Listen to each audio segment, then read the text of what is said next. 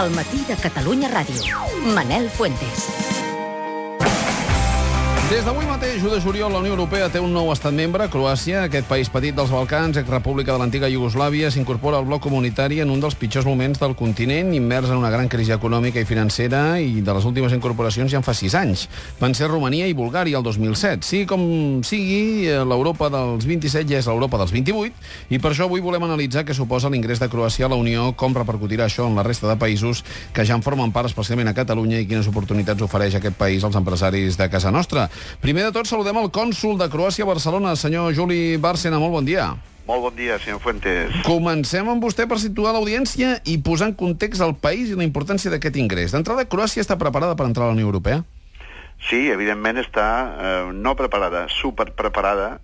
Doncs hem passat un examen de grau, ha sigut el país que s'ha exigit més requisits per part de la Unió per una adhesió. Uh -huh. I val la pena haver superat aquest examen o no? Perquè sembla que molt d'entusiasme no hi ha. Bé, és que l'entusiasme és general. La Unió Europea, que jo sóc dels partidaris i, de, i la meva opinió de criteri és que eh, s'ha de regenerar, s'ha de reimpulsar, s'ha de reinventar la Unió Europea, no? Uh -huh. eh, I més en els moments de crisi però evidentment, com a tots els països, i ho podem veure a la resta de, de, de, de, de països comuni de, de la Unió, països comunitaris, eh, l'escepticisme és, és important. Uh -huh. uh, la situació econòmica a Croàcia avui per avui no és òptima, però uh, esperen que amb l'entrada a la Unió millori o tenen la por de que finalment vostès també entraran en aquest context de crisi fins i tot superior a la que puguin tenir en el seu país i per tant mira de portar solucions a d'altres? Aviam, eh, jo crec que eh, l'adhesió la, la, a la Unió arriba al moment millor, millor per Croàcia. No en quant a moment històric, perquè ja fa 10 anys que estem demanant l'ingrés, sinó al moment econòmic. Croàcia ara pateix un atur de l'ordre d'un 20%, és importantíssim, i ens arribaran de l'any 14, 2014 al 2020 eh, pràcticament 11.000 milions d'euros. Això vol dir que ben administrats, eh, impulsant eh, projectes que són els projectes que es lideren per aquest, per, per aquest termini de temps, com són d'infraestructures, turisme, el coneixement eh, i tot el que representa l'agricultura i la ganaderia, i són instruments molt vàlids per un regansament de l'economia croata. Uh -huh. Doncs a veure si veuen igual la Jana Kunekova, que és directora del Departament d'Explotació de Casademont. Jana, molt bon dia. Hola, bon dia. Perquè tu treballes aquí pel, pels dels embotits, pels senyors Casademont, però mirant el mercat croata. Sí, sí, el mercat croata ja portem més de 20 anys exportant. Uh -huh. És un mercat molt important per nosaltres. I, sí. I ho veieu com una bona notícia, l'ingrés a, a la Unió? Com són ara mateix les, les relacions comercials entre Catalunya i, i Croàcia, eh, posant l'exemple de, de la pròpia empresa de Casademont? Sí, per nosaltres l'ingrés eh, de Croàcia a la Unió Europea sí que té efectes positius.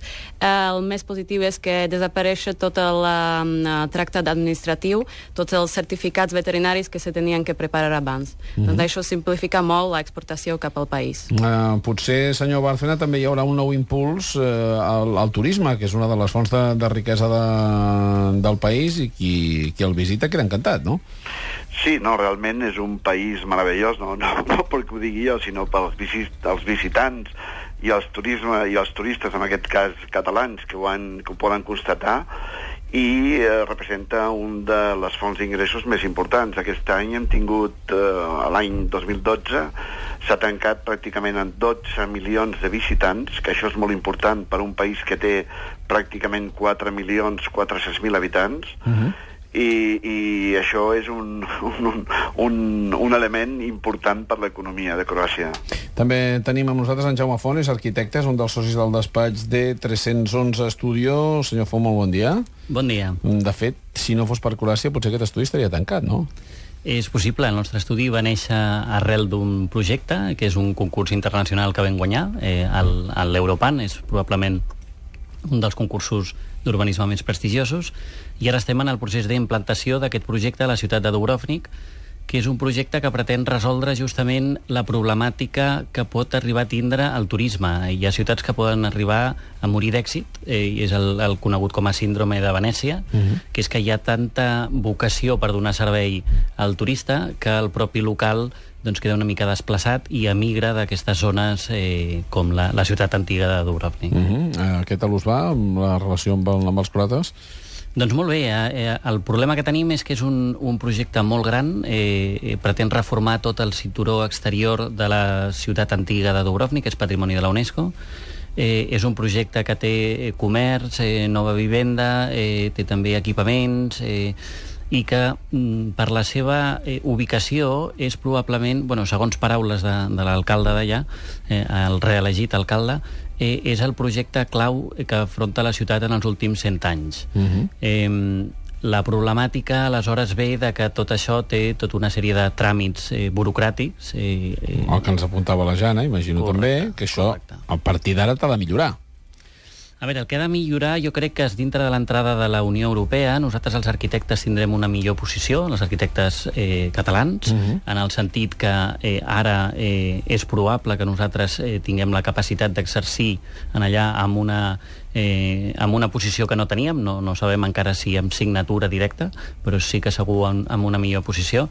I el que està clar és que l'entrada de Croàcia a la Unió Europea respecte al tema de turisme i d'infraestructures eh, rebrà una injecció molt gran de diners eh, que ens pot, eh, no sé si per aquest projecte en concret, però eh, potser per un altre. També tenim en línia David Nachel, és un jove politòleg que viu i treballa a Croàcia. David, molt bon dia. Bon dia, Manel. Uh, vas ser arribar a Croàcia i enamorar-t'hi, no? Perquè ja és la, la segona estada llarga que, que comences al país. Sí, sí, així mateix. Aquest país enamora i has de tornar-hi. Com va ser? Com va ser l'experiència, el pensar en, en Croàcia i sobretot com s'està vivint ara mateix in situ des, de, des del país l'ingrés a, a la Unió? Hi ha entusiasme o hi ha aquest punt de, de escepticisme que també ha marcat el, eh, el cònsul de manera descriptiva per bé que tota la resta de testimonis avui han estat entusiastes davant de la, de la notícia? Podríem dir que hi ha un entusiasme moderat que la població està dividida entre proeuropeus i no a l'entrada de la Unió Europea. Els contraris què diuen? Els contraris eh, fiquen d'exemple les crisis de la Mediterrània, la crisi d'Itàlia, la crisi d'Espanya, la crisi de Portugal, i com la Unió Europea afronta els problemes reals de, de les persones del sud. Uh -huh. I per tant, amb una situació d'atur també elevat a Croàcia i d'una economia que no acaba de tirar, veuen com que l'adreçador pel qual poden passar pel fet d'haver d'estar dintre de la Unió serà encara més penós, no? I, i tant, a, a, a més de rebre comptes directament amb l'economia, hauran de rebre comptes també amb, amb Alemanya. Aquests mm. són els seus arguments principals. I els arguments a favor? Perquè sé que hi ha una certa alegria, sobretot entre els joves, per dir, home, ara serà més fàcil anar a treballar a un altre país. Eh, I tant. Eh, tot i que ells ja tenien con contractes bilaterals amb, amb els països del nord, amb Eslovènia, amb Alemanya, amb Àustria, ara se'ls obre una, una gran porta per, per entrar també a Itàlia, per entrar a França, per entrar a altres països i agafar oportunitats europees realment. Uh -huh. Doncs moltíssimes gràcies per, per aquesta comunicació. Eh, senyor Bárcena, cònsul de, de Croàcia a Barcelona, què creu que passarà en, el, en els propers mesos? Imagino que seran bastant determinants per, uh, per veure si aquest escepticisme es decanta cap a l'optimisme o cap al pessimisme. Sí, jo crec que eh, hem de ser optimistes, tot realment, tot realment de ser optimistes i quan es comencin a veure aquesta injecció dels fons de cohesió, que l'economia comença a rellançar-se, pues, eh, serà molt positiu. Tots hem de pensar, i ho tenim el clar exemple, no? Quan Espanya va rebre fa uns anys eh, els fons de cohesió i fons estructurals, eh, bueno, ho van veure a tots els ajuntaments, les obres que es van, eh, les obres que es van fer financiades per aquests, per aquests fons, pels fons FEDER, eh, les obres d'infraestructures a tota Espanya va ser, va ser importantíssim. Si tot això arriba en un moment econòmicament difícil, jo crec que es valorarà molt positivament. I com deia el, el, el, el, politòleg, el politòleg amic de David, sí. eh, el, tema, el tema dels joves eh, crec que juga aquí un paper importantíssim que, per exemple, a Espanya no existeix. Els croats, pràcticament tots, en parlen dos o tres idiomes. Uh -huh. I això és importantíssim. Doncs s'obren les portes directíssimes per la seva formació. Hi ha, hi ha molts que tenen dues titulacions. O sigui, els que venen aquí a Catalunya, els joves, tenen dos titulacions, tres titulacions, i eh, tres idiomes, i al cap de 15 dies comencen a parlar català. No, home, o sigui, sí, la, sí. La és- Jana, la Jana pot ser un bon exemple, no? Explica'ns explica'ns com va ser el teu cas, Jana. Bé, um, jo sóc eslovaca. Mhm. uh, he vingut de Catalunya fa, uh, fa 8 anys, ja. Mhm.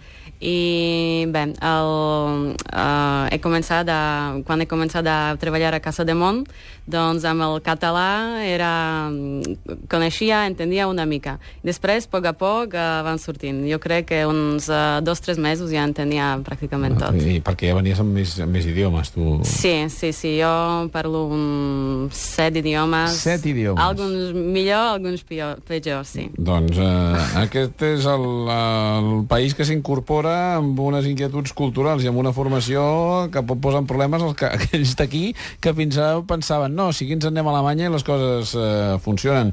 Jaume, tu que els coneixes de, de primera mà, gent preparada. Gent molt preparada, sí, sí. Eh, a nivell d'arquitectura també són una gent eh, molt capaç, eh, però a nosaltres ens hem adonat que com a arquitectes, cada vegada que hem anat allà se'ns ha presentat com els arquitectes de Barcelona, com en majúscules. Tenim un prestigi assolit com a escola de Barcelona que jo crec que hem de capitalitzar i que ens dona una oportunitat de que eh, només anar allà com a arquitecte de Barcelona ja tens un, una partida guanyada. Tenim eh, similituds, els catalans i, i els croates, eh, al marge de, de la posició estratègica dels països? Sí, eh, moltes. A mi em va sorprendre eh, a nivell eh, eh, cultural, gastronòmic. Eh, jo crec que és un, és un país que ha estat influenciat per moltes cultures, per la seva posició geogràfica, i eh, Catalunya, arrel de la seva història també en èpoques de Jaume I, etc també ha sigut un país com amb moltes ganes d'internacionalitzar-se. Eh, els croates eh, tenen molta relació també amb, amb Itàlia i jo crec que això ens fa bastant, bastant propers. Doncs eh, felicitats a tots els croates. Des d'avui formen part de, de la Unió Europea. Senyor Bárcena, cònsul de, de Croàcia a Barcelona, moltíssimes gràcies per atendre'ns i felicitats. Moltíssimes gràcies a senyor Fuentes, a tots vostès, i Croàcia està molt orgullós de- d'aquesta fita històrica. Molt bé, eh, a la Jana, al Jaume, al David, també moltíssimes gràcies per complementar-nos amb històries properes, reals, de- d'intercanvis comercials entre nosaltres i, eh, i els croates, i en tots casos crec que bastant satisfactoris. Gràcies a tots, novament. Moltes Gràcies. gràcies.